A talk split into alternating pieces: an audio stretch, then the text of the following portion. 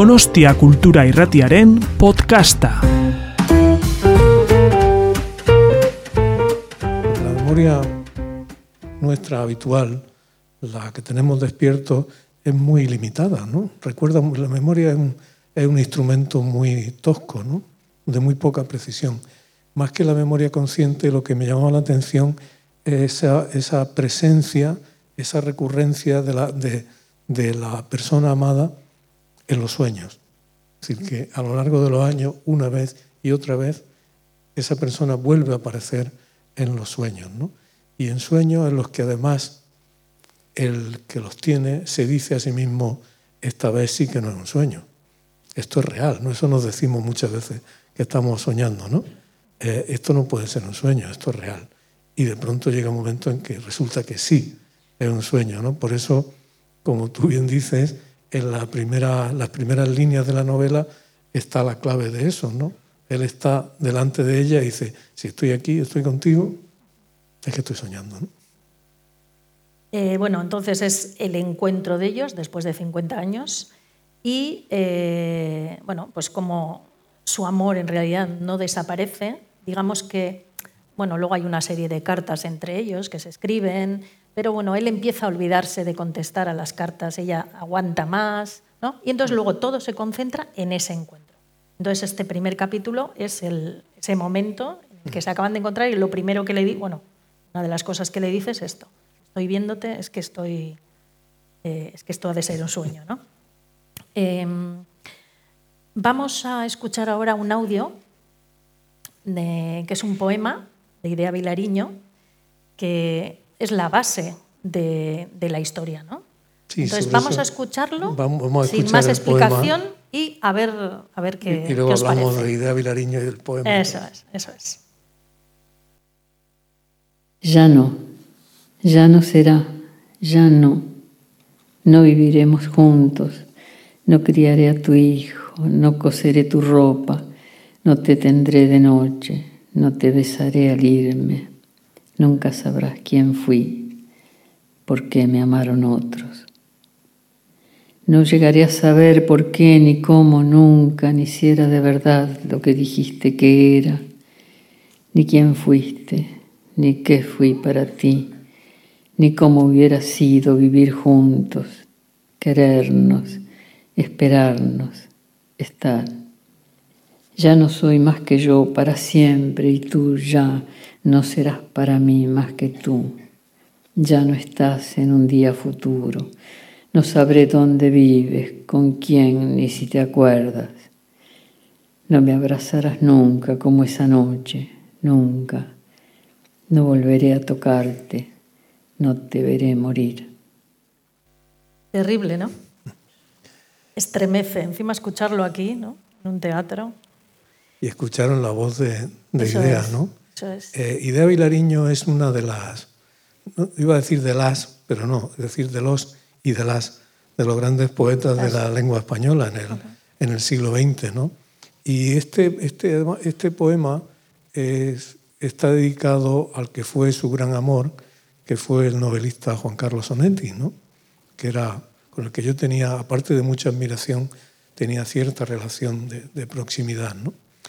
Y, y cuando yo leía ese poema y cuando, cuando, pensaba, cuando llegaba al último verso, siempre me producía un efecto muy fuerte, ¿no? porque es, es una cosa tremenda, es decir, es como una despedida antes de la despedida. ¿no? ¿no? No te veré morir. ¿no? Eh, entonces ocurrió una cosa. Yo había empezado a escribir esta novela, ¿no? había empezado eh, tanteando el comienzo de esas primeras páginas así, un poco febriles ¿no? Que tiene la novela. Y eh, ese momento en el que no sabes realmente si estás escribiendo un cuento, si estás escribiendo una novela y ni siquiera si estás escribiendo un libro, porque puede que no, que no vaya a ninguna parte, ¿no? Y en ese momento de pronto me vino como un regalo el título. Me acordé del verso de, de Idea y entonces dije, este es el título. Y una novela que todavía no estaba escrita, de pronto en el título parecía que estaba contenida ya la novela. ¿no? Eso es lo- los buenos títulos tienen eso, ¿no? tienen, está como cifrado el- la historia. ¿no? Y luego hay otro, otra parte también que es que es que yo conocí a, a Idea Vilariño en Montevideo, después de la muerte de Onetti, ¿no? Y, y, porque yo fui a un homenaje que se le rendía allí. Entonces la conocí, en ese momento era una mujer ya muy mayor, ¿no? Y yo era joven. Cuando eres joven, la, las personas mayores te parecen mayores de lo que son en realidad, ¿no? Sí. Te parecen... Eh, y entonces a mí me, me sorprendía esa, la presencia de esa mujer y me sorprendía su mirada. Era una... decir? Es la mirada de, de Adriana, ¿no? Sí, esa Allá. mirada, yo la vi esa mirada, fíjate cómo se hacen las novelas, ¿no? Yo vi esa mirada en 1994 o 95 y se me quedó en la cabeza todos estos años, ¿no? Porque era una mirada, como yo no he visto otra, ¿no? Era una mirada joven en un cuerpo mayor y enfermo, ¿sabes? Y era una mirada de una belleza inquietante, ¿no? Eh, eh, eh Idea Vilariño era una mujer muy bella, muy atractiva, ¿no? Y había tenido esta relación tremenda, pasional y desastrosa con, con Onetti, ¿no? Okay. Y ocurrió una cosa que un poco antes de que él muriera, ella fue a Madrid, porque él vivía exiliado. Él salió huyendo de, vamos, salió huyendo, lo expulsaron y, y, el gobierno español lo acogió el año setenta y tantos, ¿no? durante la dictadura militar en, en Uruguay. ¿no? Y ellos llevaban mucho tiempo sin verse y él estaba ya muy enfermo. Ella vino de Montevideo y estuvieron todo el día la, la esposa de Onetti, Dolly, que era también amiga mía y de mi mujer. Eh, la esposa, cuando llegó Idea, se marchó y estuvieron todo, él estaba en la cama, ¿no? Y estuvieron todo el día hablando. Ella volvió por la tarde y, y, yo siempre me preguntaba, ¿qué se diría esta pareja? ¿no? ¿Qué, ¿Qué, se dice una pareja cuando, cuando ya no hay nada que perder ni que ganar? ¿no? Cuando, y, y eso también yo creo que está un poco en, en, la inspiración de la novela, ¿no? ese encontrarse y poder decírselo todo. ¿no? Eh, es que al final parece que estás contando la, ¿no? la historia de amor de, claro. de estos dos, ¿no? Sí, un poco. Cada uno tenía sus parejas, pero sin embargo ese amor estaba ahí. Sí. Y vaya respetuosa la mujer, ¿no? También dejándole hablar sí, con él. Claro, claro. Sí, a Idea sí. Vilariño, ¿no? Sabiendo que han, bueno, y luego, lo que han sido. Durante aquel homenaje a Onetti en Montevideo, yo estaba hablando y en la primera fila estaban eh, Dolly Onetti, la viuda, idea, estaban las dos juntas. Entonces yo las veía a las dos mirarme y, y yo decía, madre mía, qué, cuánta, cuánta historia hay aquí, ¿no? En este, en este momento. ¿no? Pero, pero de ese tipo de situaciones salen las novelas también. ¿no? Eh, vayamos un poco más allá en cuanto a bueno, cómo está escrita, ¿no? la estructura y eso. A ver, está estructurada en cuatro capítulos. ¿no? El primero nos sitúa en ese momento, en el encuentro ya, eh, en el segundo conocemos al narrador de la historia, que es una sorpresa, porque claro, al principio, bueno, pues está contado en tercera persona y de repente empieza en el segundo capítulo el narrador a hablar en primera persona. Entonces luego te das cuenta que es un narrador testigo, ¿no? Que le conoce al personaje, conoce toda la historia y gracias a él nos llega a nosotros los lectores eh, la historia. En el tercero nos enteramos un poco, bueno, pues el sentido que tiene ese encuentro, que se tiene un sentido. Para uno tiene una, una cosa y para otra, para ella otra, otro interés. Y luego, eh, eh, en el último, eh, ya vemos cómo reacciona él ante ese encuentro con ella, esa petición, que no vamos a decir para que la leáis.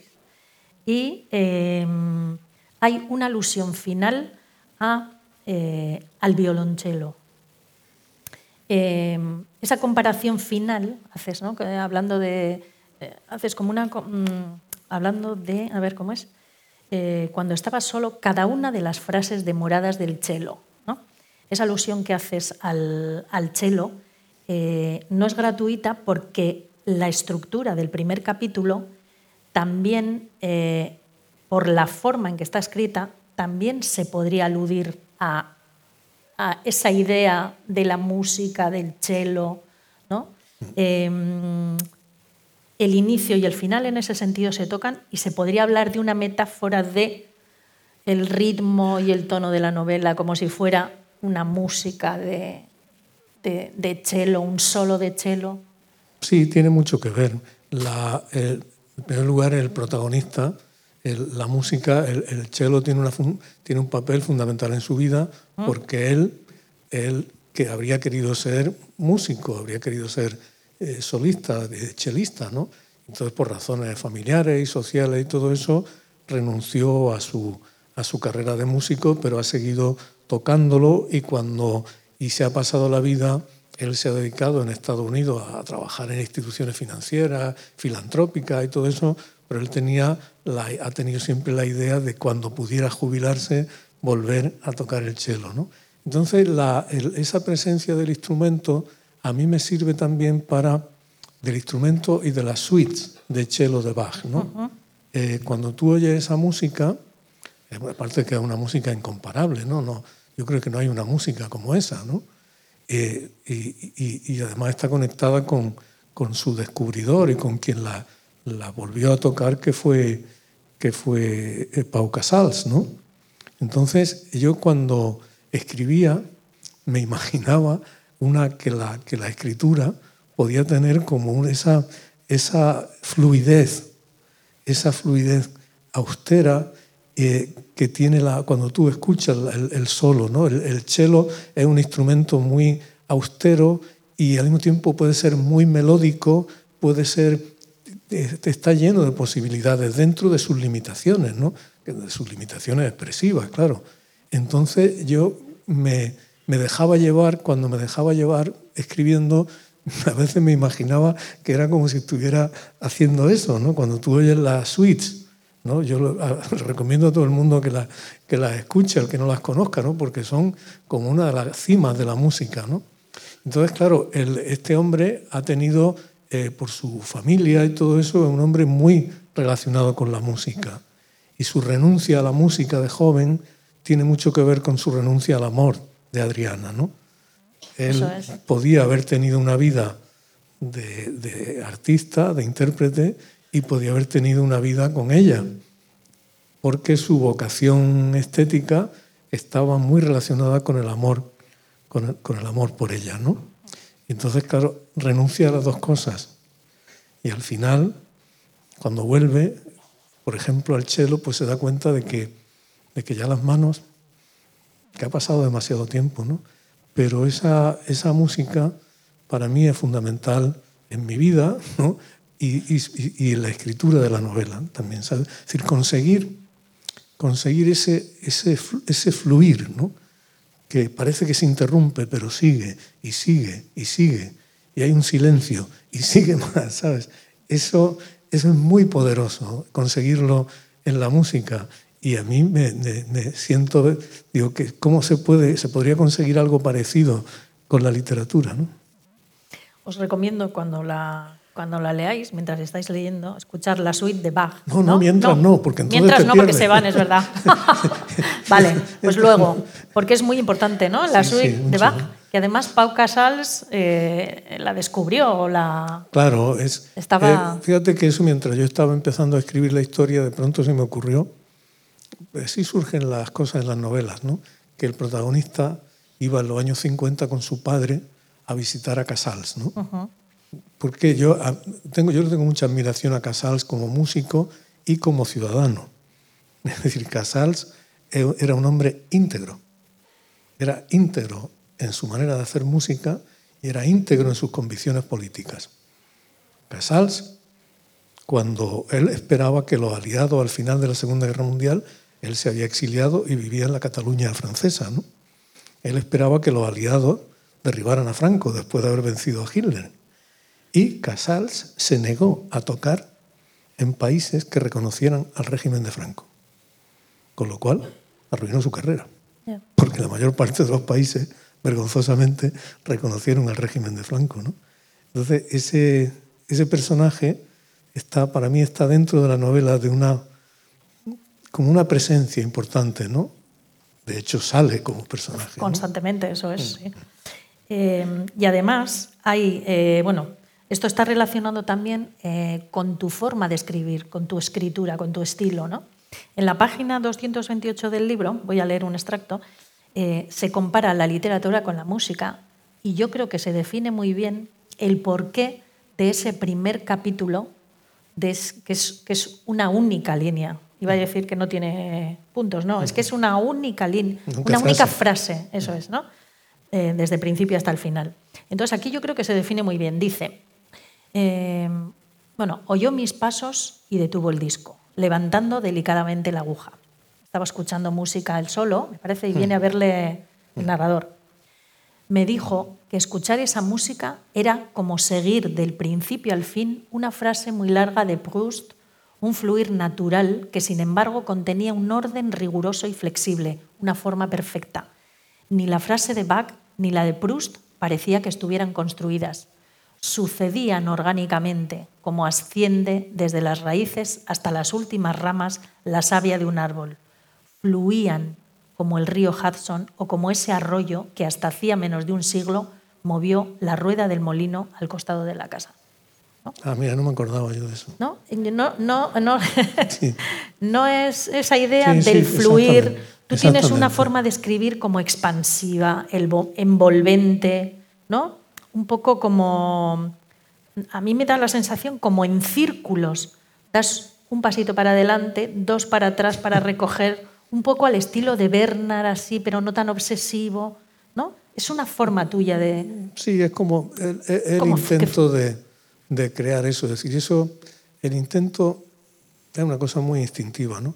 Yo creo, lo importante para mí, cuando yo leo, ¿no? ¿qué es lo que me hace a mí que me seduzca un libro o una película o una música? Lo que me hace es sentir que estoy ingresando en una atmósfera, que estoy ingresando en un tiempo, es decir, que estoy siendo llevado, ¿no? que estoy siendo guiado. ¿no? Eh, y eso, eh, eh, esa sensación de, de, la fluidez, que es parte de la, en el fondo lo que quiere imitar es la naturaleza. ¿no?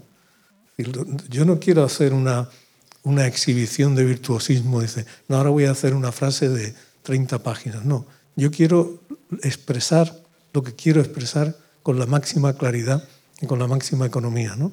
Por eso hay veces cuando tú ves que cuando cambia de capítulo cambia de tono también. De pronto las frases son más entrecortadas o son más así. Pero ese, ese, es mi sueño, ¿sabes? El sueño, de, el sueño de que parezca que el libro se ha escrito solo. ¿No? El sueño es como cuando tú estás viendo una película que te gusta mucho. Tú no piensas, mira dónde ha puesto la cámara. No, tú simplemente parece que es la realidad, ¿sí? ¿No? Esa conseguir que no parezca que hay artificio, es decir, conseguir que parezca que eso es natural, ¿no? que es así, que tenía que ser así. Eh, vamos a seguir con el tema del narrador, que a mí me, ha sorprendido mucho cuando después del primer capítulo digo, ahí va, si hay aquí una primera persona, ¿no? Eh, tú cuando, cuando, empezaste a pensar, ¿no? En tu cabeza la novela, ¿Tú ya tenías decidido el punto de vista? O, sea, este narrador testigo que fuera el que... ¿O, surgió después de, empezar a escribirla? Tenía, tenía una presencia implícita porque eh, yo tenía la idea vaga de que tenía que haber una conversación, ¿no? que esto tenía que ser algo que una persona le cuenta a otra. Es decir, no. Entonces, cuando, cuando hice la primera parte, eh, fue de una manera tan, como te he dicho, tan compulsiva así, todo desde el interior de la conciencia de este personaje. ¿no? Y entonces me apetecía, como esto era una cosa tan envolvente, como tú decías, y tan obsesiva, me apetecía salir de ahí de golpe, ¿no? cambiar. Eso es como cuando tú ves, estás escuchando un cuarteto de cuerdas, eh, que hay un primer movimiento, ¿no? que es un, mejor un andante, no sé qué, un silencio, y empieza el segundo movimiento, es completamente distinto. ¿no? Y es un adagio. Y de pronto termina el adagio y viene un scherzo, que es rápido. ¿no? Entonces esa, esa separación a mí me parece muy atractiva, ¿no? esos cambios bruscos de punto de vista.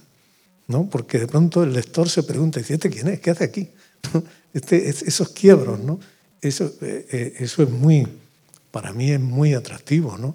Y luego también había una cosa que, me, que yo quería, que era presentar el contraste entre estos dos personajes, ¿no? Es decir, un hombre que lo ha tenido todo en la vida, una de esas personas que, que saben estar en el mundo, y otro que, que es lo contrario, que es, un, que, que, que este tipo de personas como hay mucha gente que nunca acaban de, de encontrar su sitio, ¿no? Entonces yo empecé simplemente, este narrador testigo iba a ser simplemente un portavoz, digamos, ¿no? Pero según avanzaba esa segunda parte, pues le fui encontrando, le fui encontrando una vida también. Empezó a cobrar, si no solo era una cámara, digamos, ¿no? sino que era una persona también. Y tenía su propia vida y tenía su, eh, su propia... Y luego ocurrió algo, es que se me ocurrió que él tenía también su propio, su propio drama, su, propio, su propia pérdida horrible, ¿no? Ya. Entonces así fue, así fue saliendo, ¿no? A mí me esa, esa cosa que una, dentro de una novela haya un narrador, ¿no? Que, que forma parte de la novela, ¿no? Eso me, me resulta muy atractivo, ¿no? Hombre, es interesante porque es lo que tú dices, son dos personajes diferentes, se ve la diferencia, pero luego además tenemos la perspectiva diferente de él con respecto al, al protagonista. Vamos a decir, por un lado tenemos lo que cuenta el protagonista sobre él, que es su versión.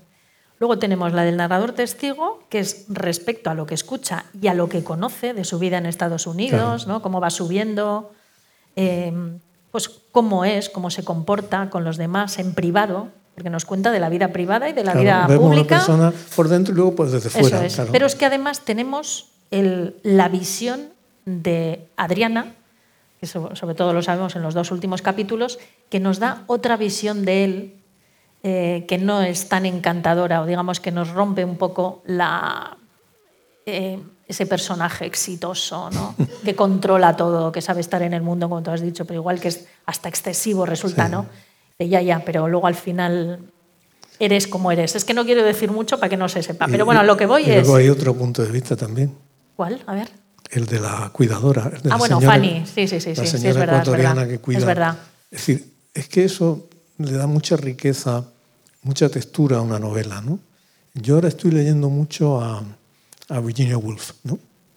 Y cuando tú lees las novelas, las grandes novelas de Virginia Woolf, el punto de vista está cambiando continuamente. ¿no? Yo estoy ahora con, eh, leí Mrs. Dalloway hace poco y a continuación he seguido con, con Alfaro. ¿no? En Alfaro, en una sola página, hay cinco o seis puntos de vista. Es una novela llena de personajes. ¿no? Hay una escena muy larga que es una cena de una familia que tiene muchos hijos con, con invitados. ¿no? Y es alucinante porque cada personaje tiene su, su mirada. ¿no? Y eso enriquece mucho, eso enriquece mucho literariamente una historia, pero también es una lección para ti, para la vida. Es decir, la realidad la, ve cada persona, cada persona ve el mundo a su manera. ¿no? Eh, entonces la realidad es mucho más poliédrica que, que- que- lo que muchas veces pensamos. ¿no? Nosotros pensamos que el mundo, lo vemos, vemos el mundo desde nuestros ojos, ¿no? Y, y- y eso en muchos sentidos puede ser bastante tóxico, ¿no? Eh, desde nuestros ojos, desde nuestros intereses, desde nuestras convicciones, ¿no? Y cuando tú ves que de pronto sale otra persona con otra idea, con otro punto, eso enriquece mucho la, la percepción, ¿no? Y en este caso, claro, tú ves a alguien desde su, desde su conciencia, pero cuando lo ves desde fuera, descubres cosas que a lo mejor, claro, él se ve, digamos, de una manera halagadora, ¿no? De pronto lo ves desde fuera y descubres cosas y luego además ves cómo uno piensa del otro. Entonces eso, a mí eso como, como novelista, esos, eh, esos cambios, esos matices, todo eso, a mí me parece muy, eh, muy atractivo ¿no? para, para contarlo. ¿no? Hombre, yo creo que sí enriquece la novela, porque al final es como si fuera un puzzle que te van dando las diferentes versiones ¿no? desde Claro. todos los puntos de vista. Como, Entonces el lector como cambios de plano, ¿no? Como, no el, hay, eso es, como el montaje en una película. ¿no? no hay una manipulación, es así el personaje, Claro, ¿no? Claro. Eh, eso que decías de Mrs. Dalloway me ha recordado porque yo cuando, cuando veía a, a Gabriel Aristú paseando por el barrio Salamanca, yendo hacia ella, que se está fijando en los árboles, tal, me recordaba un poco a ese inicio. ¿no? La señora Dalloway que va, no sé, se comprase unos guantes Va a o no sé. comprar flores, Eso, sí. O flores, eso es, eso es. Y entonces Va a va, flores. saludando, tal, no sé. Sí, sí. Pues viendo, fijándose en todo, es, que ¿no? la, es que la novela, cuando tú lees una gran novela, es una cosa tan, tan... A mí cada vez me gustan más las novelas. ¿Sabes? Pues quizás, pero lo digo con toda, con toda convicción. Es decir, yo leo una, una gran novela, ¿no? Como estas. Y eso es tan... te enseña tanto, ¿no? Hay tanta nobleza ahí, tanta, tanta verdad, ¿no?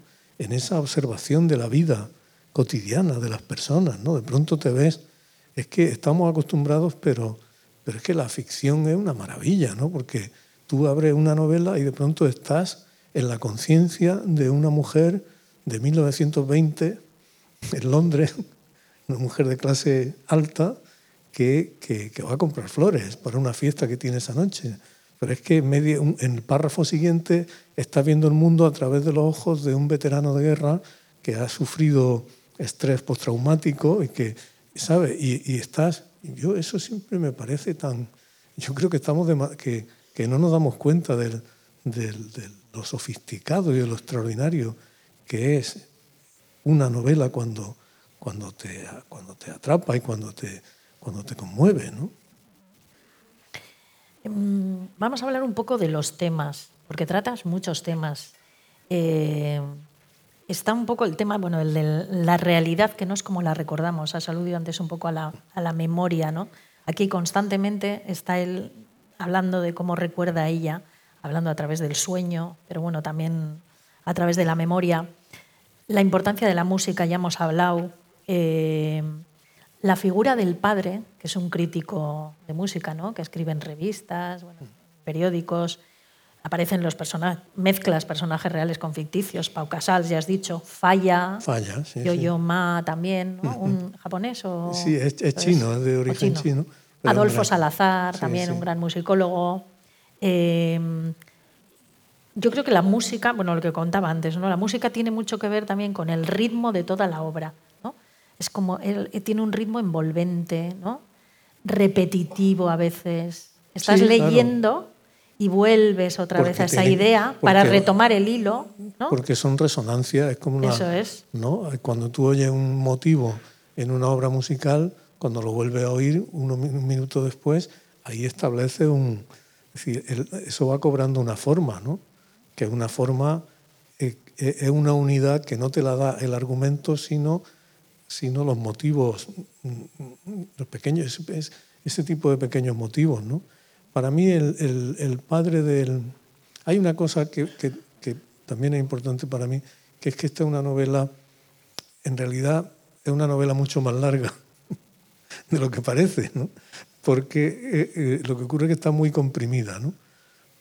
Porque eh, un personaje central en la novela es el padre del protagonista, que ha muerto hace mucho tiempo cuando la novela eh, es un hombre que ha es un hombre que viene de que es una víctima de la guerra civil pero una víctima peculiar no porque es un hombre que perteneció digamos a la, a la cultura liberal de las primeras décadas del siglo XX la, la gran cultura liberal española no que, que, que- que está en la música, en la literatura, en la ciencia, en todo eso. ¿no? Es un hombre que ha sido, eh, que ha conocido, a, que ha estado relacionado pues eso, con, con Falla, con Stravinsky, con García Lorca. con García Lorca, es decir, ha formado parte de esa modernidad. Pero es un hombre conservador, conservador de una manera distraída, ¿no? Ya. monárquico, por lo que sea, ¿no? Y entonces de pronto llega el horror de la guerra y ese hombre se ve atrapado y, y- y- y sufre un trauma espantoso, ¿no? Humillación. Claro, pero lo que le ocurre después es que cuando termina la guerra y ganan los suyos, los que él piensa que son los suyos, le horroriza lo que está pasando. ¿no? Entonces, de esas personas que, que no son fáciles de, de clasificar, son esas personas que, que rompen el esquematismo, ¿no? Es como, como un personaje como Falla, por ejemplo, ¿no? Falla, yo sobre Falla he querido escribir mucho. eh, eh, tengo una novela fracasada en la que sale Falla, entonces aproveché para, para ponerlo en esta, ¿no? Eh, entonces Falla es un, es un personaje que, que, aparte de la, de la calidad de su, de su originalidad como músico, ¿no? Aparte de eso, es un personaje que tiene una eh, que, rompe con cualquier esquema, ¿no? Porque es un músico de vanguardia, ¿no? Que muy innovador, que al mismo tiempo es un, un católico de comunión diaria. es decir, Falla era un hombre, un hombre muy católico, pero dentro de su catolicismo tenía unas ideas sociales muy avanzadas, ¿no? Y cuando, cuando terminó la guerra, vamos, durante la guerra él estaba en Granada y él se jugó la vida intentando salvar a Federico García Lorca. Y él vivía en la Alhambra, en un Carmen, junto a la Alhambra, una casita pequeña con un jardín modestísimo, que era una, una casa museo, ¿no? Y él ahí, por las tardes, como se cuenta en la novela, rezaba el rosario con su hermana, ¿no? Y cuando empezó la guerra, desde su casa se oían perfectamente los disparos de los fusilamientos y los gritos de la gente en el cementerio. ¿no? Falla se fue de España el año 39 y no volvió. Se fue asqueado. Entonces, me, en el personaje del padre del narrador, me gustaba contar eso también, ¿no? contar ese tipo de, de persona civilizada que de pronto ve cómo la barbarie se apodera de todo, ¿no? Entonces él quiere, quiere salvar a su, a su familia, quiere salvar a su hijo de eso.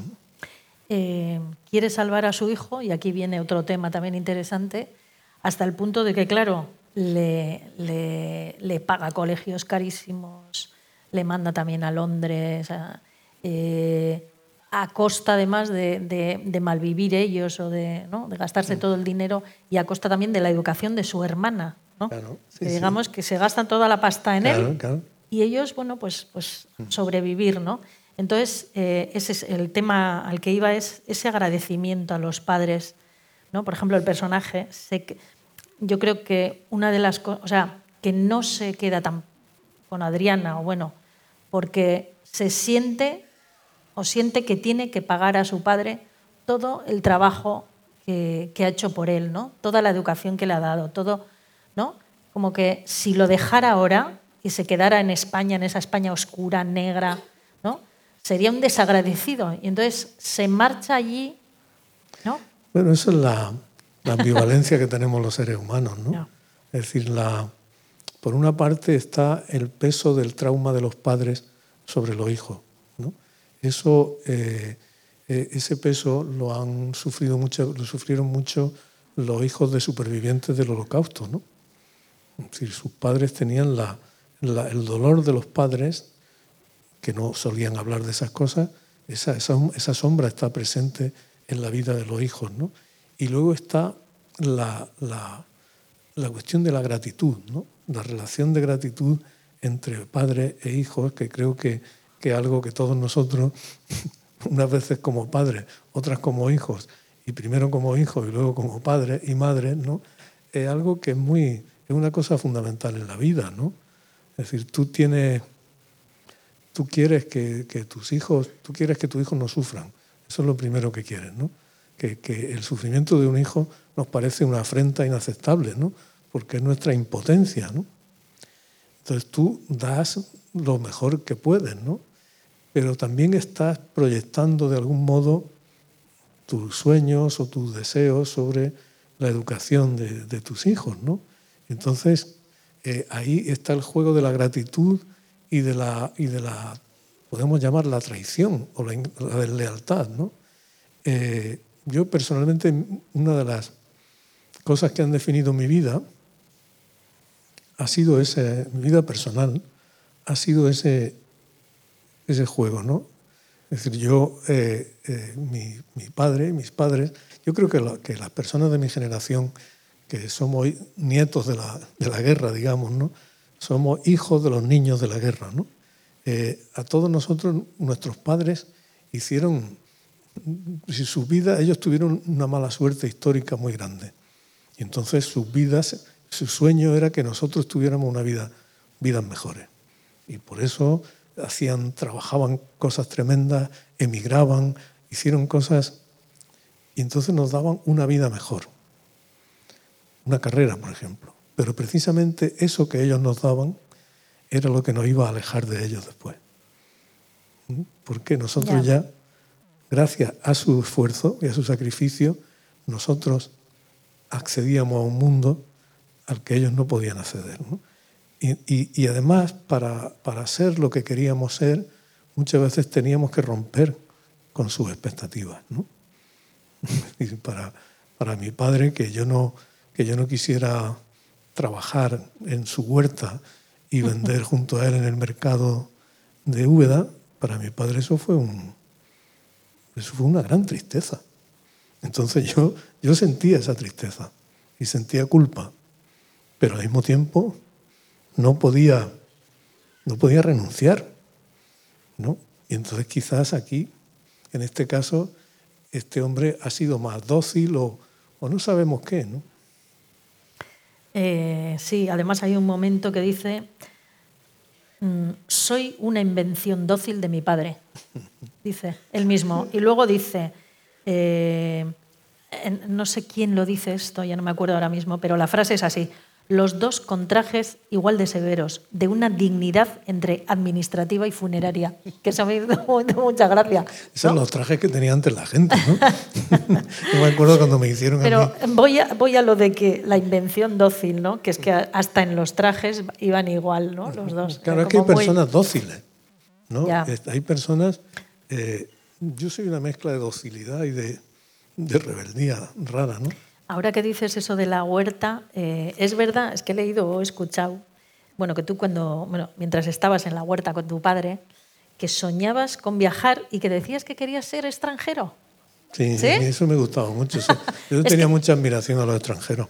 Es que además aquí se habla de, también de esa idea, el personaje Aristu, que mm, cuando está en Estados Unidos es como español y cuando está en España es americano, o sea que no termina de estar en todos los sitios, es extranjero, ¿no? Entonces me he acordado de esta idea de, es verdad que dijiste, que decías eso de pequeño, yo quiero ser Sí, porque era, era extraordinario, ¿no? Yo me acuerdo, eh, claro, yo, fíjate, eh, yo vivía en Úbeda y nosotros en Úbeda podíamos reconocer a un forastero nada más que mirándolo, pero a un forastero, no a un extranjero, a un forastero del pueblo de al lado, a uno de Baeza, ¿no? Veíamos, esto no es de aquí, ¿no? Entonces vivíamos en un mundo absolutamente cerrado. Yo me acuerdo cuando empezó, empezaron a llegar turistas, ¿no? Algunos, algún turista que aparecía, que eran seres, parecían ridículos, ¿no? Eran hombres adultos con pantalón corto, ¿no? Una cosa que decía, esto es inverosímil, ¿no? Esto, esto es inexplicable, ¿no? Pero luego te hace un poco mayor y ya empieza a gustarte la música y la música pop y todo esto. Y entonces tú quieres Luego, además, teníamos, nuestra generación todavía tenía mucho complejo de inferioridad, en parte con motivos, ¿no? Entonces sentía admiración por los extranjeros, ¿no? Eh, entonces yo me imaginaba eso, me imaginaba que, pues que me iba, ¿no? Yo a mí me gustaba imaginarme que me iba, ¿no? Durante un tiempo y que volvía, ¿no? Y volvía como cargado así de experiencia, ¿sabes? Es como un ensueño, ¿no? Eh, me acuerdo de había en, en Úbeda, había uno que era un poco mayor que yo, que se había ido, que había emigrado a Holanda, ¿no?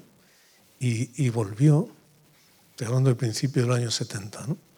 Y volvió con, con un pantalón de campana enorme y con el pelo largo así como de esa época y con una novia holandesa.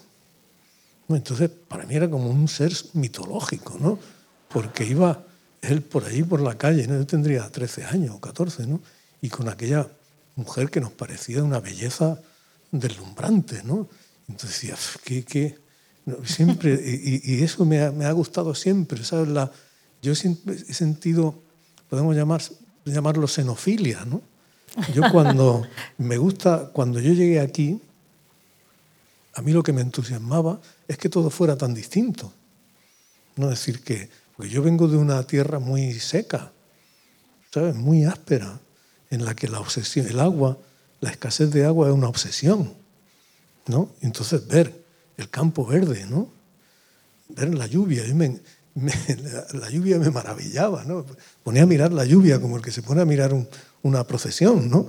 Porque, me, ¿sabes? Entonces esa, eh, siempre he sentido esa atracción de lo, de lo, de lo distinto, ¿no? de, de salir, de salir de, mi mundo. ¿no? me gustan ese tipo de personajes. porque además lo he conocido luego cuando he vivido fuera, he tenido la suerte de que eso, ese sueño pues se, cumplía, ¿no? Y, he observado mucho a la gente que pasaba mucho tiempo, a la gente que vive mucho tiempo fuera de su país, ¿no? Es una cosa muy peculiar. Y, y más todavía quizá en Estados Unidos, que es un mundo tan distinto del nuestro, ¿no? Entonces tú ves cómo, y en ti mismo lo observas, ¿no? Cómo, cómo con el tiempo llega un momento en que en vez de integrarte más, te vuelves más, más ajeno, ¿sabes? Porque empiezas, según conoces mejor esa cultura, conoces mejor también su extrañeza, ¿no? Conoces mejor su diferencia. Entonces eso te, a mí eso me, me provoca, creo que puede ser útil para, para mí ha sido muy educativo eh, vivir, ir y, ir y, volver, ¿no? Eh, estar en Estados Unidos, volver a España, igual que me era muy útil venir aquí, ¿no? Desde Andalucía y, y conocer esto y familiarizarme y, tomarle cariño, ¿no? Eh, esa, esa perspectiva, ¿no? Que puede tener un efecto a veces un poco así, que es que haya que uno no se encuentre de verdad en su sitio en ninguna parte, pero también puede ocurrir que te encuentres en tu sitio en dos partes, ¿no? Es decir, que, también está bien, también puede estar bien, ¿no? Es un equilibrio siempre, ¿no? Em, otro tema importante, bueno, los sueños, ya hemos hablado un poquito, eh, la importancia del sueño aquí, ¿no? Que él eh, llegaba a soñar a, su amor eh, despierto, y, incluso que lo controlaba. De hecho, él cuando tiene un cáncer, ¿no? tiene, cae enfermo, tiene miedo de perder ese poder o esa... Sí, hay gente que tiene ese... Eso me da envidia, yo no lo consigo, ¿no? Pero hay gente que conozco que, que puede controlar los sueños, ¿no? Llamamos los sueños lúcidos. Y además eso está ahora... Hay mucha investigación sobre eso, ¿no? Porque eso se usa para... Se está investigando ahora mucho eso para, para el estrés postraumático para ayudar a supervivientes de, guerra o de atentado o de violencia sexual, ¿no? para ayudar a, superar el trauma eh, a través de la, del control de las pesadillas. ¿no? Entonces eso ahora se investiga mucho. Y a mí me da envidia eso, ¿no? el, poder controlar un sueño. ¿no? Y ahora voy a ir por aquí. Y ahora, ¿sabes? decir, estás soñando y al mismo tiempo eres consciente de eso. ¿no? Ah. Entonces él él, claro, es que su amor sea sobre todo, él dice en un momento dado, dice, me he visto muchas veces con ella, pero solo en sueños, ¿no? Claro, Además, la sueña y sueña, claro, cuando es muy chocante cuando se reúnen después de esos 50 años y claro, él tiene en la cabeza la Adriana de 1967, no la de 2017. Y cuando la ve, claro, luego ya según va hablando ya se va dando cuenta y lo único que no había cambiado, que era igual en los sueños, eran los ojos, la mirada. ¿No? Volvemos a la mirada de, claro. Vilariño. Claro, sí, eso está inspirado por eso, ¿no? Porque claro, la, mm, es decir, que muchas veces tú lo ves, cuando, cuando te vas haciendo mayor también te fijas más, ¿no? Entonces tú ves cómo, cómo la mirada, hay personas que la mirada se le apaga muy pronto, ¿no? Hay personas que la mirada y hay otras que mantienen la mirada mm, viva y resplandeciente hasta, hasta muy mayores, ¿no? Entonces, por eso él la, en la mirada en la donde, donde la reconoce desde el principio, ¿no? Eh, eh, bueno, un, tema, otro tema así que a mí me ha, gustado mucho cómo está, es eh, la importancia que le das tú, o bueno, lo que yo he sentido, la belleza de la descripción de la vejez. Que hoy en día digamos que el ser viejo ¿no? No, no gusta, no es bonito, pero aquí sin embargo está contado mm, de forma muy elegante. ¿no? O sea, mm, a pesar de que es una, mujer que está pues, en sus momentos finales de vida y está muy enferma, ¿no? con una enfermedad que la tiene en silla de ruedas, sin embargo está contada con, con muchísima elegancia y, no sé, me, parece que está muy bien escrita esa parte, que solo por eso yo creo que merece la pena la, novela. ¿no? se suele hablar tan bien de la vejez, no hay imágenes así. Eso era muy importante para mí. Ahí me acabo de acordar de una cosa que decía Agatha Christie, cuando ya era mayor, ¿no? decía que ella estaba casada con un arqueólogo, ¿no? Decía, la ventaja de estar casada con un arqueólogo es que cuanto mayor me hago, más se interesa por mí, ¿no? es, muy, bueno. ¿no? no, eh, ya en serio. Eso sí que es algo, claro, también tú necesitas la, la experiencia para... Cuando tú ves, eh, la, la obsesión esa absurda por la perfección juvenil, ¿no? A mí una cosa que me atrae mucho es la observación de cómo muchas veces, es decir, en personas que tienen también de salud, hombres, mujeres, ¿no? que, que tienen, que se cuidan un poco y todo eso, cómo el tiempo, en vez de estropear, embellece. Eso pasa. Es decir, si, si miras con atención, tú ves cómo el, el, el, una, una, cara, la, tú ves la, esas bellezas óseas, ¿no? Tú ves cómo los, los huesos, la, eh, el, el, pelo, todo eso, ahí hay una gran belleza, puede haber una gran belleza, tanto en hombres como en mujeres. ¿no? Y eso, eso era algo que me, que me llamaba mucho, que yo quería contar, ¿no? porque es algo que, que veo en la vida. ¿no? Hay personas queridas para mí que, que va pasando el tiempo y, y pienso, no tengo nostalgia de cómo era hace 20 años, me gusta más como es ahora. Y no me gusta más a pesar del tiempo, me gusta más gracias al tiempo, ¿no? porque el tiempo, porque el, el, el tiempo embellece también. ¿no? Es como la, tuve un edificio eh, que, que, que, está un poco, un edificio recién hecho no es muy atractivo. ¿no? Tú ves cómo la, la huella del tiempo eh, puede, puede mejorar las cosas. ¿no? Y, eso, y luego también me fijaba en, en personas concretas ¿no? que, eh, hay un, un, detalle, cuando yo estaba, había terminado el primer borrador de la novela, tenía, tenía clara la mirada de Adriana, pero el resto, mirada, las manos, todo eso, ¿no? Uh -huh. Entonces una vez estaba en una cena con, con, gente de una película en la que mi mujer estaba dirigiendo una película, entonces teníamos cenas con, con actores y todo eso. Estábamos rodando aquí al lado, en, en Navarra, ¿no? y estaban rodando, yo no.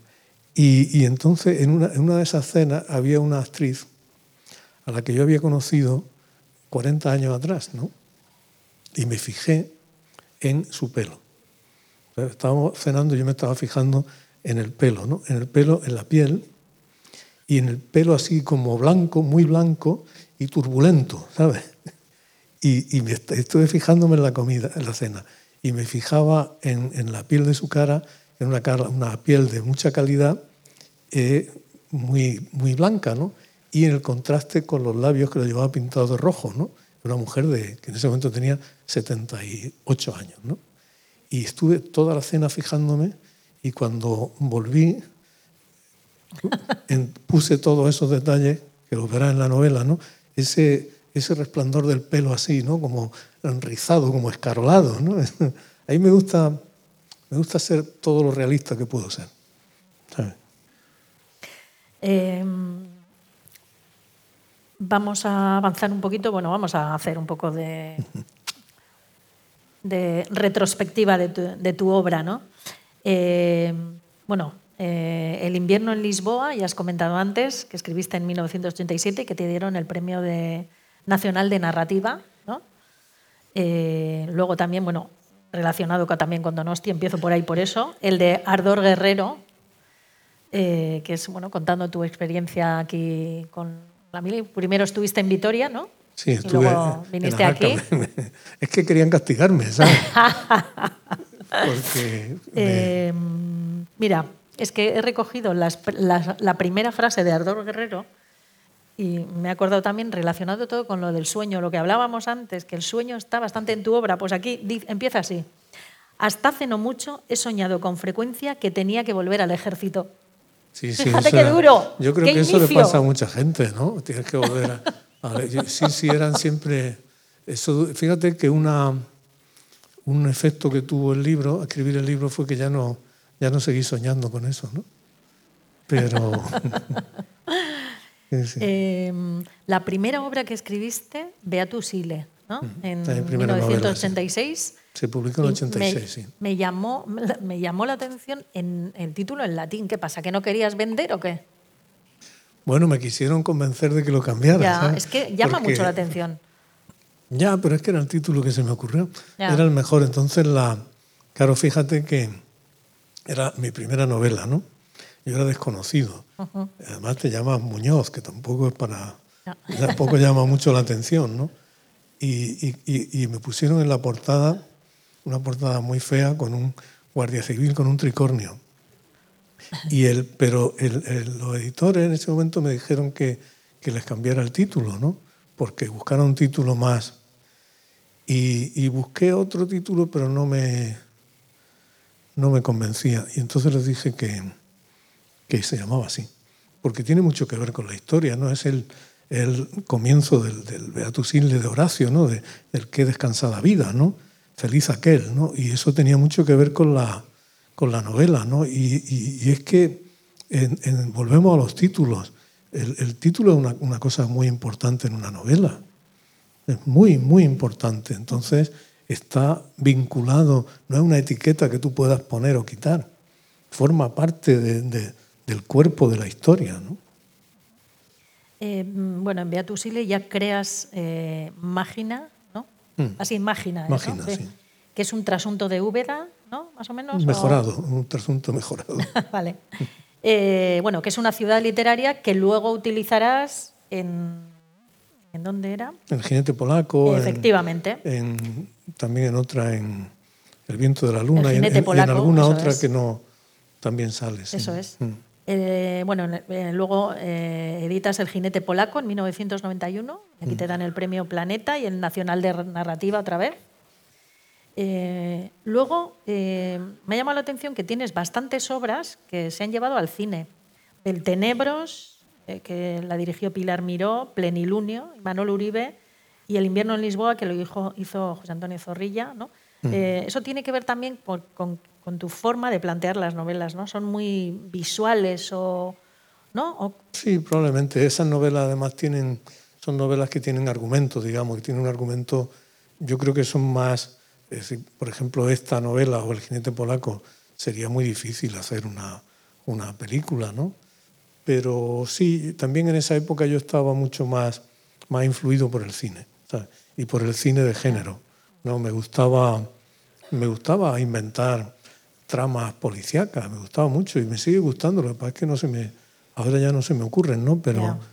pero sí, sí, me gustaba jugar con los géneros, ¿no? En El Tenebros, por ejemplo, eh, había mucha referencia a, la- a las novelas de espías, que a mí me gustan mucho, ¿no?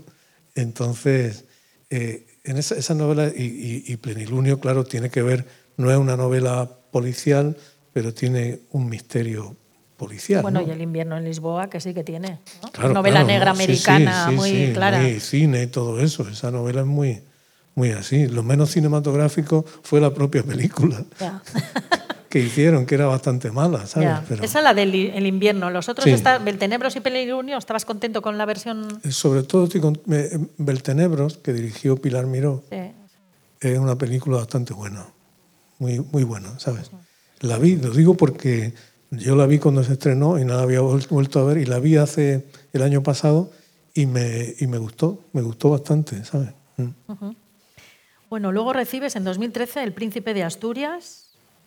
Eh, tienes una larga lista de premios. ¿Cómo valoras tú los premios en tu, en tu- Hombre, según, por ejemplo, para un escritor como tú, ¿no? ¿Les das mucho valor o Mira, yo para mí han sido importantes cuando me han ayudado, ¿no? Es decir, que a mí, por ejemplo, que me dieran el, el Premio Nacional de Literatura por el invierno en Lisboa fue muy importante en mi vida, porque a partir de ese premio, la novela, que, que ya era bastante leída, de pronto tuvo como una explosión, ¿sabes? Y eso me permitió, yo era funcionario, yo era auxiliar administrativo del, del Ayuntamiento de Granada, y eso me permitió tener una vida mejor, ¿no? Eh, pues pasó lo mismo con el planeta, tenía una familia grande, necesitaba... eh, y luego ha habido, eh, pues, por ejemplo, eh, un premio para mí importante fue, ha sido el, premio eh, Médicis que le dieron en Francia hace unos años a, una novela mía, ¿no?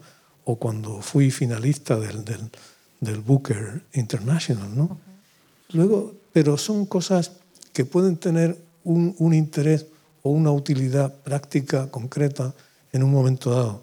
Para mí, sinceramente, sinceramente, todo lo demás es secundario. Es decir, no, no creo que un premio sea, te defina, te haga mejor ni te haga peor. ¿no? No, es una cosa que es, accidental. Es decir, te lo dan y está bien, no te lo dan y no pasa nada. Y se lo dan a otro y a lo mejor porque se te lo merece, no te lo merece. Se merece el premio a ciertos escritores. ¿no? Entonces eso es algo que es, sinceramente, creo que es algo accidental. ¿no? Bueno, eres también académico de la lengua, eh, U minúscula. ¿Qué, qué, la U minúscula, la U mayúscula. Por eso, eso, es solo, eso es una cosa meramente formal, es decir, que la, cada plaza académica tiene asignada una letra mayúscula o minúscula, pero eso no tiene que ver con. Es decir, eso va asignado por, por casualidad, no, no, ah, tiene, no tiene, sentido. Eh, ¿Y tu trabajo, o sea, eh, qué aporta, digamos, Antonio Muñoz Molina a la, no sé, a la familia de la RAE o, no sé, cada escritor cuando los nombran, ¿no? Se supone que, no sé, no sé, aportan... Bueno, escritores y no solo escritores, es decir, la, bueno, sí, la academia, la función de la academia, la academia tiene que ver con, el, con, la, con toda la lengua, con toda la, entonces la academia es, tan importante como que haya escritores, es que haya científicos, que haya expertos en, en lenguas, por ejemplo, en, en, lengua latina o en lengua griega, o es decir, gente relacionada con la vida de, del idioma. ¿no? El que sabe de medicina, pongamos por caso, o de ciencia, aporta su ciencia. ¿no? El que se dedica a escribir ficción o literatura, como es mi caso, aportas tu experiencia de la lengua. Eh, y también que decir una cosa, lo más importante en la academia, lo que define la calidad del trabajo de la academia, son los lexicógrafos, es decir, no los académicos. Los técnicos. Exactamente, es decir, son los que mantienen, por ejemplo, la, la página web, las consultas y todo eso. ¿Los de la Fundeu también? Sí, eso no, tampoco sé tanto, ¿sabes? No, ah, vale. pero, bueno, es una cosa formal, no tiene más. ¿También fuiste director del Instituto Cervantes de Nueva York cuatro años? No, dos, dos. Ah, dos. No, tengo, había leído cuatro. No habría podido, cuatro. no, pues.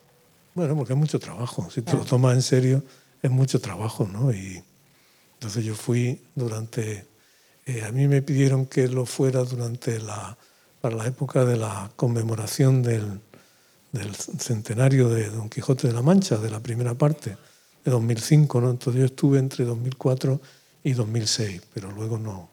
Luego seguí viviendo y trabajando allí en Nueva York, pero no, pero no en el Cervantes. ¿no? Eso es que luego has estado en Nueva York viviendo ¿no? muchos mm, años. Mm. También en Lisboa, ¿no? Sí, sí, sí, un poco. De extranjero te, sí, va, había, te va. había, que ser extranjero, ¿no? había, que, claro, claro, no, había que, no había que renunciar. Ahora ya voy a dejar de ser extranjero, pero... bueno, pues nada, eh, para terminar, una pregunta que me gusta mucho a mí, que es, eh, si tuvieras que hacer una faja imaginaria, ¿no? De toda tu obra literaria, eh, ¿qué, ¿qué escribirías? ¿Qué pondría en esa faja? Vaya pregunta, ¿no? ah, mira, hay. Ahora hace poco se publicó una, una, biografía de un escritor que a mí me gusta mucho, que es Joseph Roth, ¿no? Joseph Roth es un escritor muy triste. Yo muchas veces dejo de leer sus libros porque es de una tristeza insoportable, ¿no? Bueno, él, él vivió, ¿no? Él nació en la parte de, esta parte tremenda de Europa donde estaba la guerra de Ucrania, ¿no? Nació, era judío en el imperio austrohúngaro, ¿no? Entonces, pues vivió todas las... Murió en París en 1939. Eh, él fue de los primeros escritores, de las primeras personas que denunciaron y que alertaron el peligro nazi. En 1923, cuando estaba recién fundado el partido nazi, ya Joseph Roth ya estaba avisando, ¿sabes? Y él se pasó toda su vida añorando, añorando el imperio austrohúngaro, ¿Por qué? Porque añoraba una organización supranacional ¿no? En la cual no todo, las cosas no estuvieran regidas por la identidad de origen, sino que hubiera pues, como un espíritu común, ¿no? una pluralidad, un pluralismo. Una, eh, eh, entonces, él, ya te digo, escribió, él escribía novelas y escribía, escribía muchísimo en los periódicos. ¿no? Eh, y él, en una carta, él murió, te digo, el año 39, un poco antes de que empezara el horror. ¿no? Y él, en una carta a un amigo suyo, él dice, yo lo que hago es pintar, yo pinto, yo quiero pintar el retrato de mi tiempo. ¿no? yo quiero, eso, quiero yo. Ah, vale. Yo lo que yo pienso, cosas que escribo, que he escrito, eh, quiero decir, igual que cuando hice, pongamos por caso, Ardor Guerrero, ¿no? Yo quería pintar cómo era ese, ese momento aquí en esta ciudad, cómo era salir por la calle, cómo era estar en un cuartel, cómo era sentir el miedo, la presión del terrorismo y sentir la presión de, lo oscuro de lo que quedaba de, del batallón vasco español y todo aquello, ¿sabes? Es decir, esa tensión que había, ¿no? ese contraste entre la tensión y la calma y la vida sosegada de la ciudad, ¿no? Eso yo a mí me, me gusta haber podido contarlo. Eh, a mí me, una cosa que me gusta haber podido contar es lo que, cómo era estar en, en Nueva York el 11 de septiembre de 2001, por ejemplo. ¿no? Es decir, cómo es estar en un sitio y contarlo. Porque el que está, el que ve las cosas, tiene eh, el, valor que, puede, que, da, que tiene eso es incomparable. Eso el historiador que llega después y todo eso, nadie, nadie puede eh, captar eso. ¿no? Entonces yo a mí me gusta cuando leo libros, leo crónica y todo eso, me gusta leer historias de gente que ha estado en los sitios, que ha dado testimonio de cómo era la vida de las personas en, el tiempo que les ha tocado vivir. Y eso a mí me, me gusta pensar en eso, que, que, lo que yo aspiro, unas veces en ficción y otras en no ficción, es contar el mundo que yo, que yo he vivido. ¿no? tu escritura como el relato de la vida, ¿no? Sí. que sea un relato de la vida. Tengo una Así, visión. Por definición, igual, ¿eso sería lo que es literatura para ti, por ejemplo? No, puede haber, es decir, la literatura. Vale. Hay, hay muchas literaturas, ¿sabes? Distintas. Yo te hablo de la que a mí, de, la que yo siento que. Porque es una pregunta que tú te haces y dices, no, ¿yo qué hago? No? ¿Qué es lo que a mí me gusta hacer? A mí me gusta retratar vidas de personas en las que un lector se pueda reconocer. ¿no? Sean vidas de gente de, cualquier tipo, ¿no? pero que alguien sepa que, es decir, yo vuelvo a, a, a, Mrs. Dalloway, ¿no? tú lees esa novela y tú ves lo que es estar en Londres una mañana de junio, en 1920. ¿no? El tráfico, la, el Big Ben, eh, tal. La vida. La vida, sí, una tienda, ¿no? Tal. Eso, eso, yo quiero decir, si cuando, yo escribo, tú citabas eso hablando del paseo de Aristu por, por Madrid, ¿no? Bueno, pues eh, yo creo que quiero que un lector, una lectora, vea, lea esa página y, sienta que conoce que le estoy contando algo real. Igual que quiero que aspiro a que alguien me diga ese sentimiento que has analizado, que has retratado, me reconozco en él. Me parece un, me parece un retrato adecuado y fiel de lo que es sentir, por ejemplo, de lo que es sentir amor o sentir, ¿no? A veces, en este, viajando para hablar de este libro, eh, se me acerca una persona y me dice, a mí me ha pasado eso. Me lo dice muchas veces en voz baja, ¿no? A mí me pasó eso. Entonces eso dices, eh, para mí eso es lo fundamental. Satisfacción, ¿no? Sí, sí, es una, satisfacción honrada, ¿no? creo yo. ¿no? Porque, y eso es, para mí, esa es la, literatura que a mí me, me, importa, ya te digo, hay muchos tipos de literatura. Hay gente que escribe pues, literatura fantástica o literatura histórica, todo eso muy bien. pero a mí lo mío es ese campo, ¿no? Soy un escritor realista, digamos. Muy bien, nos quedamos con, con esa faja, ¿vale? Bueno, pues nada, ahora vamos a dar paso, a ver si tenéis algunas preguntas, si habéis leído el libro, si queréis comentar algo que os sugiera. a ver, ¿eh? tranquilo, aquí está, eso es, ahora. Eso da alegría, ¿verdad? Que de pronto se levanta la mano. Y además muy rápido. Ha sido muy rápido. es que este hombre está contratado por mí.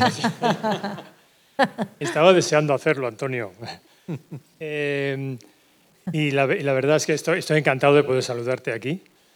Y confieso que no, no, he leído esta novela, pero he leído la crítica que hace El País en el, hace un par de domingos.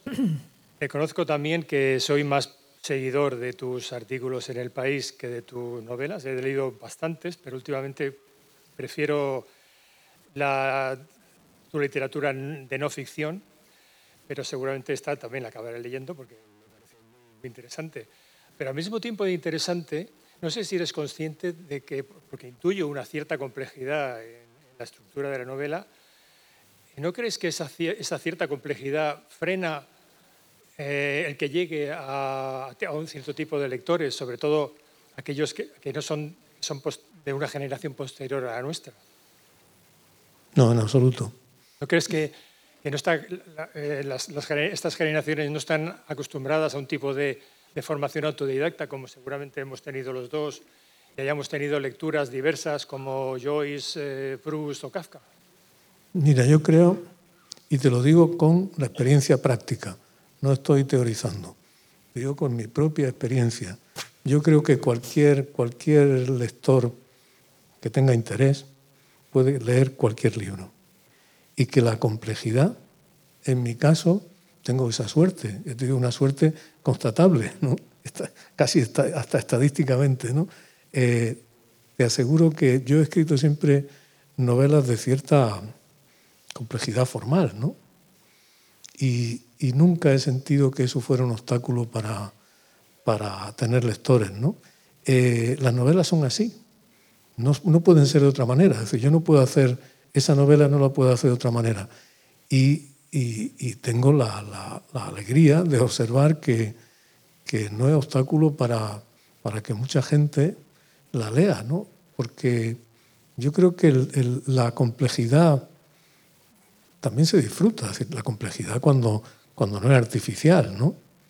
No, no, no he sentido que hay mucha gente, yo no sé si hay muchísima, pero por experiencia propia te digo que hay mucha gente joven y hasta muy joven que son excelentes lectores de literatura.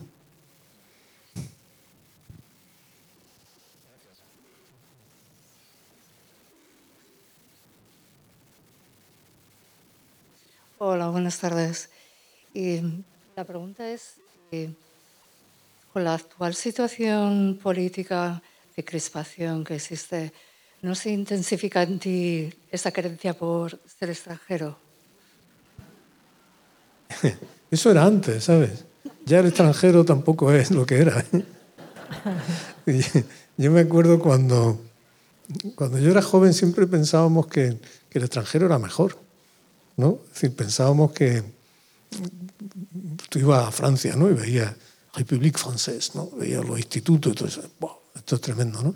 Eh, pero yo, una cosa que a mí, que yo envidiaba de Estados Unidos cuando empecé a ir, eh, muchas veces uno ve también espejismos, ¿no?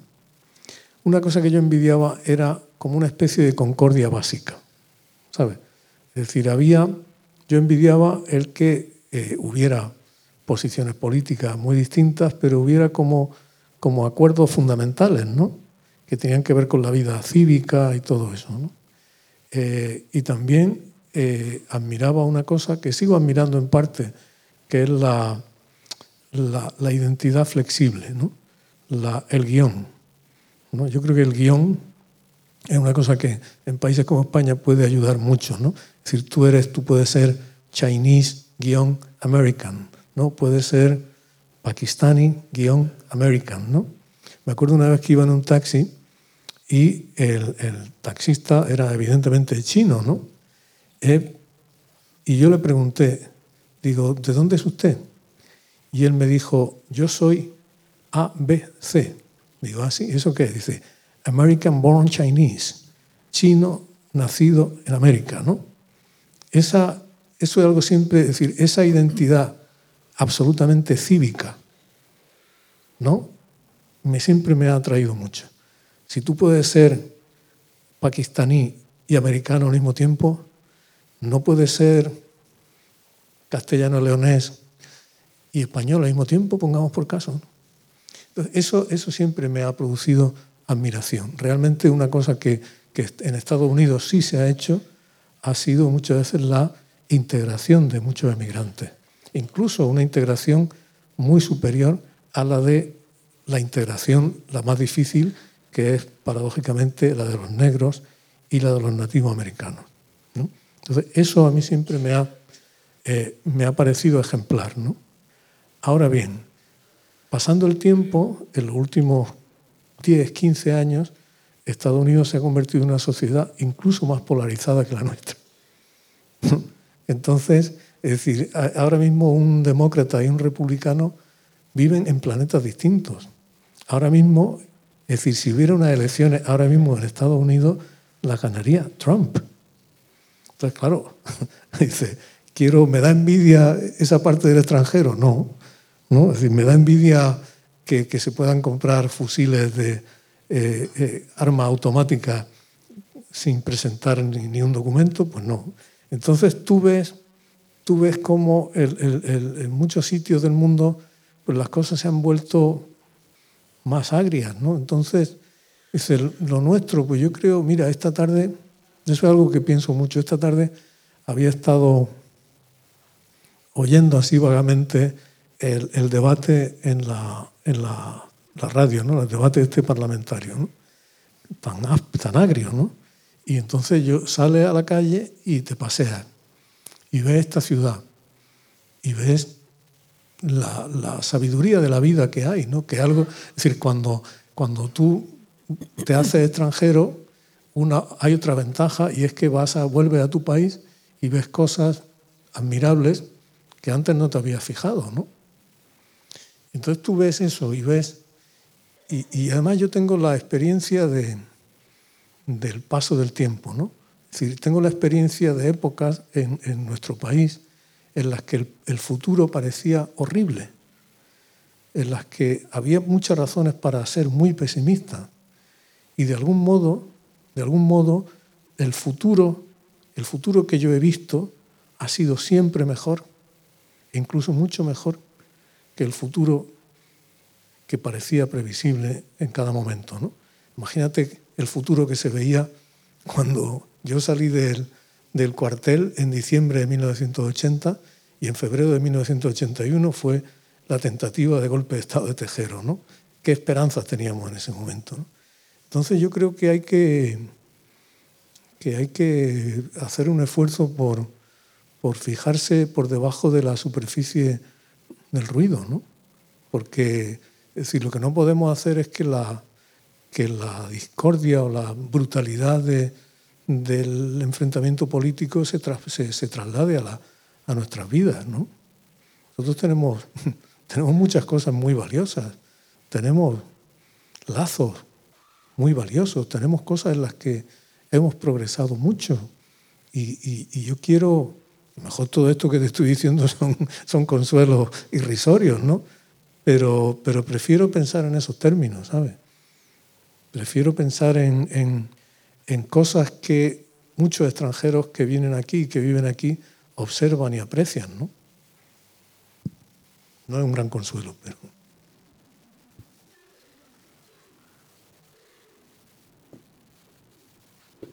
A ver. Buenas tardes. Yo hablo portuñolo. una mezcla de portugués y español. Bueno, eu, eu também.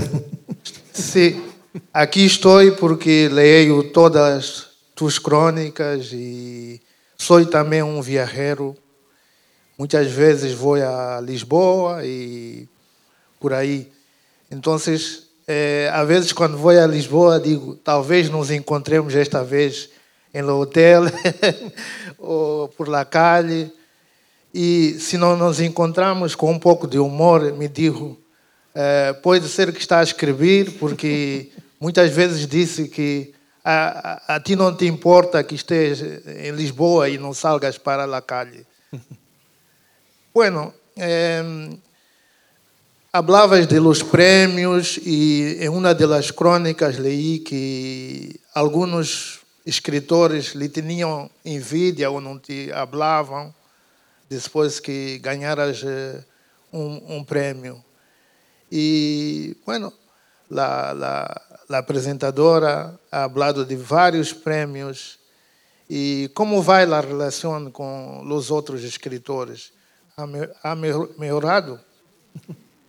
Bueno, nunca, yo nunca he tenido mala relación, es decir que... No, no, no hablo de tú, la, tú para con ellos, pero ellos para con no, contigo. Hay, hay mucho... Me parecía una, una aurea de no. envidia, una no, cosa así. No, hay muchos premios, hay premios suficientes para todo. bueno, eh, es verdad que tengo el periódico, la data, eh, leio, lo sublinho e hablo de, de, uma coisa que é verdadeira, porque eu também escrevo e escrevi uma crônica e falei de, destes exemplos uhum. que passam em meu país, na sociedade de, de escritores, que um não lhe gusta ao outro e quando fazem uma viagem há uma envidia e coisas assim, não? E Pero a eso... mí me, me, pareceu muito realista quando hablavas de, de esto. Pero no hay que tener, yo creo que eso no hay que pensarlo. No hay que pensarlo, de verdad. Hay que, hay que fijarse en las cosas más. Eh, hay, hay personas mezquinas, pero hay personas que no son mezquinas, ¿no? Entonces, no sé, no, no es una cosa que yo creo que en la que uno tenga que, que obsesionarse ni que pensar demasiado, ¿no? Hay que, hay que olvidarse de todo eso, ¿no? Hay que olvidarse de todo eso porque además pues, todo, todos nos dedicamos a un trabajo muy, muy frágil y muy inseguro. Y todos además somos muy frágiles porque trabajamos con lo que somos, trabajamos, no tenemos defensa, estamos, estamos sometidos al, al, juicio público, estamos sometidos a la, a la, a la opinión, ¿no? estamos, vivimos con la incertidumbre si este libro gustará o no gustará, eh, eh, estará bien, seré, seré un buen escritor, no lo seré. Todo, somos extraordinariamente vulnerables. Todos somos muy vulnerables, ¿no? Entonces tenemos que pensar en, en reducir en lo posible esa, esa vulnerabilidad, ¿no? Y una, una forma de reducirla es procurar no pensar. Yo tengo un, un, un truco con eso que es que no, que no he, no he pisado nunca, no sé si se puede usar esa palabra, las redes sociales, ¿no? Jamás en mi vida. Entonces eso te da mucha tranquilidad. Muchas gracias. A ver, por aquí a la derecha, por favor.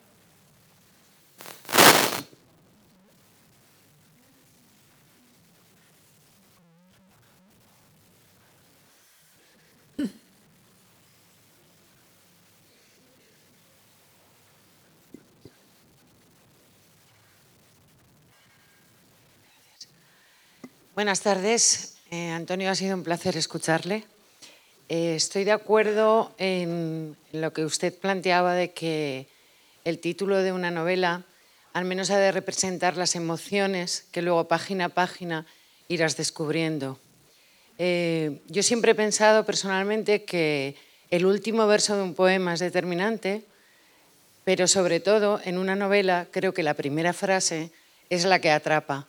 Quisiera saber cómo usted se enfrenta al folio en blanco cómo eh, surge esa primera frase, si la frase sale de manera espontánea y a partir de ahí comienza a fluir utilizando sus palabras eh, el relato, o si por el contrario mm, pasa usted muchísimo tiempo mm, decidiendo cómo tendría que ser esa primera mm, frase del libro. Esto ya lo decía Gabriel García Márquez, que se tomaba su tiempo antes de arrancar a pesar de que la historia estuviera dentro de él. Muchísimas gracias y suerte con el libro. Pues mire, la respuesta para mí, en mi caso, es muy, muy clara, es muy radical. si no tengo ese principio, no tengo nada. ¿no? Es decir, yo puedo tener una, una buena historia en la cabeza y, y, no saber nada sobre ella. ¿no? Si, no tengo, si no tengo un arranque, no tengo nada. Y por eso hay libros que yo he hecho y que he hecho libros casi completos, ¿no? Que no han llegado a nada. ¿no? Eh, y, hay veces que eh, casi siempre, casi siempre, el, el, momento en que he tenido una novela ha sido el momento en que he tenido ese comienzo, ¿no? esa, esa primera frase o ese arranque, ¿no? porque eso determina ya el punto de vista, determina el tono, pero eso me ha pasado siempre, siempre, cada libro mío, y, y además no es una cosa que le dé vueltas, es que o es o no es. Si yo no, yo no me puedo sentar así, decir, a ver, a ver si viene la primera frase. No.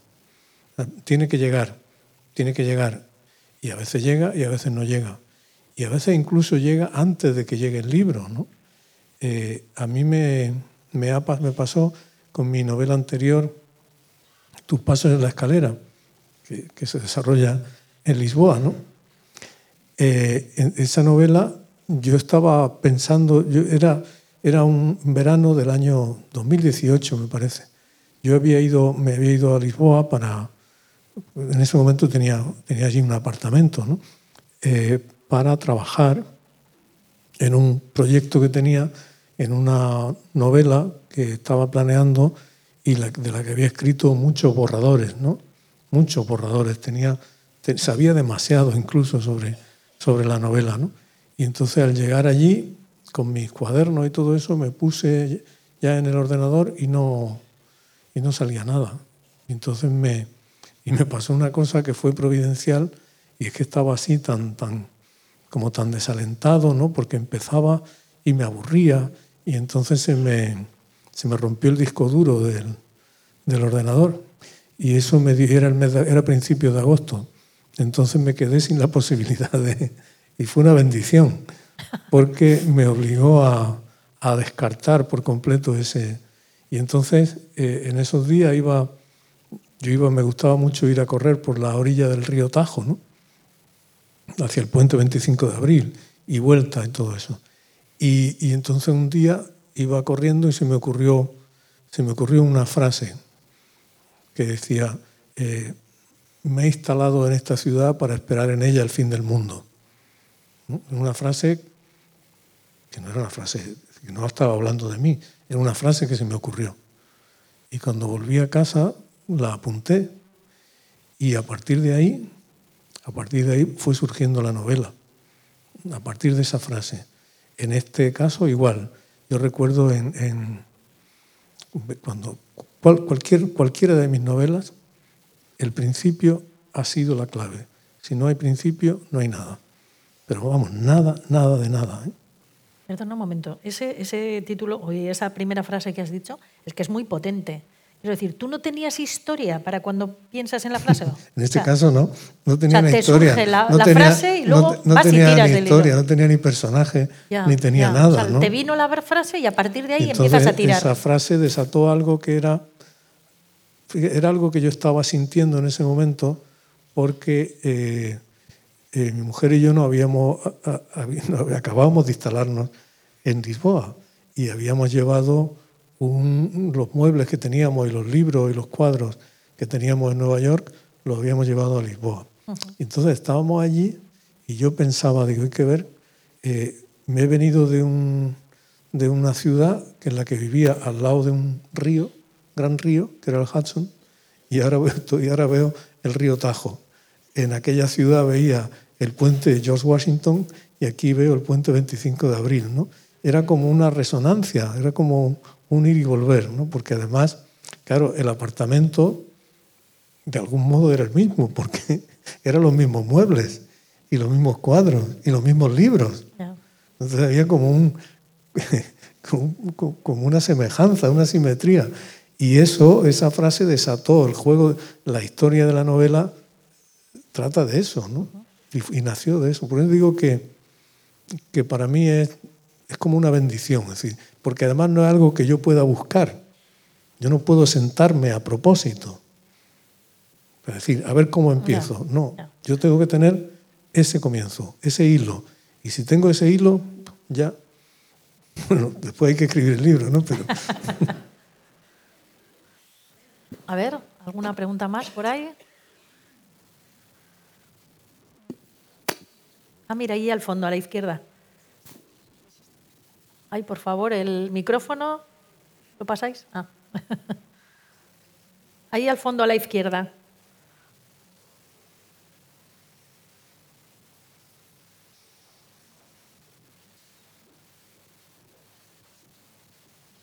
La vemos. ¿eh? Hola, buenas tardes. Eh, me ha gustado la mención que ha hecho usted a la novela Fallida sobre Falla, porque bueno, eh, estamos, sabemos que usted es un éxito de, mucho éxito, ¿no? Han nombrado los numerosos premios que ha recibido, pero también hay otra realidad, por lo visto, que son las novelas fallidas. ¿no? sí. me gustaría que, que, explicase un poquito más cuántas novelas fallidas ha habido, ese proceso de qué considera usted como novela fallida, hasta dónde llega esa novela fallida y, y, los motivos por los cuales esta novela en concreto, la de Falla, pues la considera como novela fallida. Fíjate, si será fallida que no ha llegado a, a terminarla, ¿no?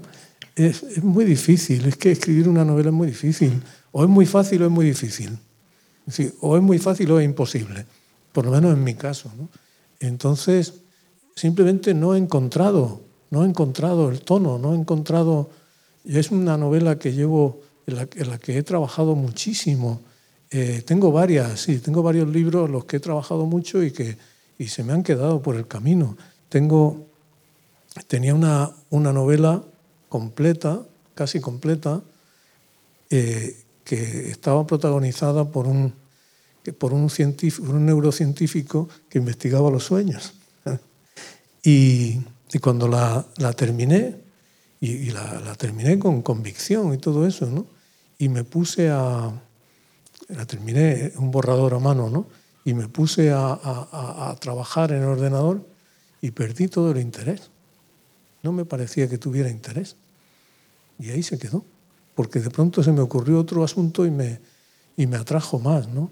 Eh, esta novela que le digo, esta de la que sale Falla, es, hay una historia que a mí me, que me la que le doy muchas vueltas, que es una, una, historia sobre que tiene que ver con Granada, con mi vida, yo viví 20 años en Granada, ¿no? y con la relación entre ese tiempo que yo viví en Granada, sobre todo los primeros tiempos, y la historia del, del, del asesinato de García Lorca y, de, y del mundo ese de la ciudad antes, en la guerra y después, ¿no? Eso es un asunto que a mí me ha... Es decir, ese mundo extraño que había en Granada. Granada fue una de las ciudades más castigadas por el, desde el principio de la guerra civil, ¿no? En Granada llegaron a matar hasta al catedrático de pediatría, ¿no? Es decir, fue, una, fue un, exterminio el que hubo, ¿no? Entonces, ese tiempo, ese tiempo y, y, y la, el asesinato de Lorca y, y la historia de un personaje que se llama Agustín Penón, que era un hombre que fue a principios del año 50 a, Granada y fue el que encontró el, el, certificado de función de Lorca. Todo eso a mí me ha, es algo lo que le da muchas vueltas. He escrito muchísimo, he escrito páginas y páginas eh, y no he conseguido darle forma. No. Y, y en esa novela pues está eso que digo, la despedida la despedida de Falla, ¿no? Todo eso, pero no he conseguido, no, no sale. Y a lo mejor un día, a veces se me ocurre algo, digo, ya, ya por fin lo tengo, ¿no? Y, me pongo y no sale. Cualquiera sabe, ¿no? Pero es, como una imposibilidad. No, no, no lo sé, no lo sé. Y, y, es un asunto que me, es un asunto que me, que me apasiona, que me importa, fíjese, si me importa que, que, de pronto sale en esta novela, se ha infiltrado eso, ¿no? A través de la figura de, de Falla y de... Pero no sale. Bueno. A lo mejor un día se me ocurre una frase primera deslumbrante y me pongo y todo lo que he escrito que no servía de nada cobra sentido, pero no lo sé. bueno, eh, si os parece ya vamos a terminar. eh, no sin antes recordaros que Literactum sigue y hay todavía muchas cosas muy interesantes. Y, por ejemplo, tenéis eh, Marta Jiménez, estará en el Museo San Telmo con su libro de relatos No todo el mundo.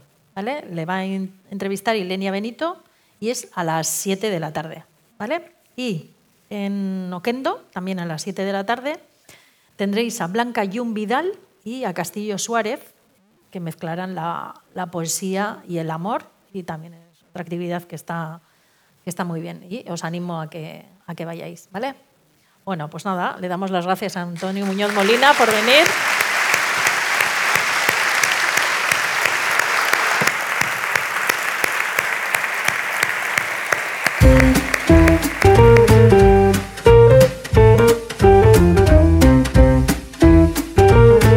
Donostia Kultura Irratiaren podcasta.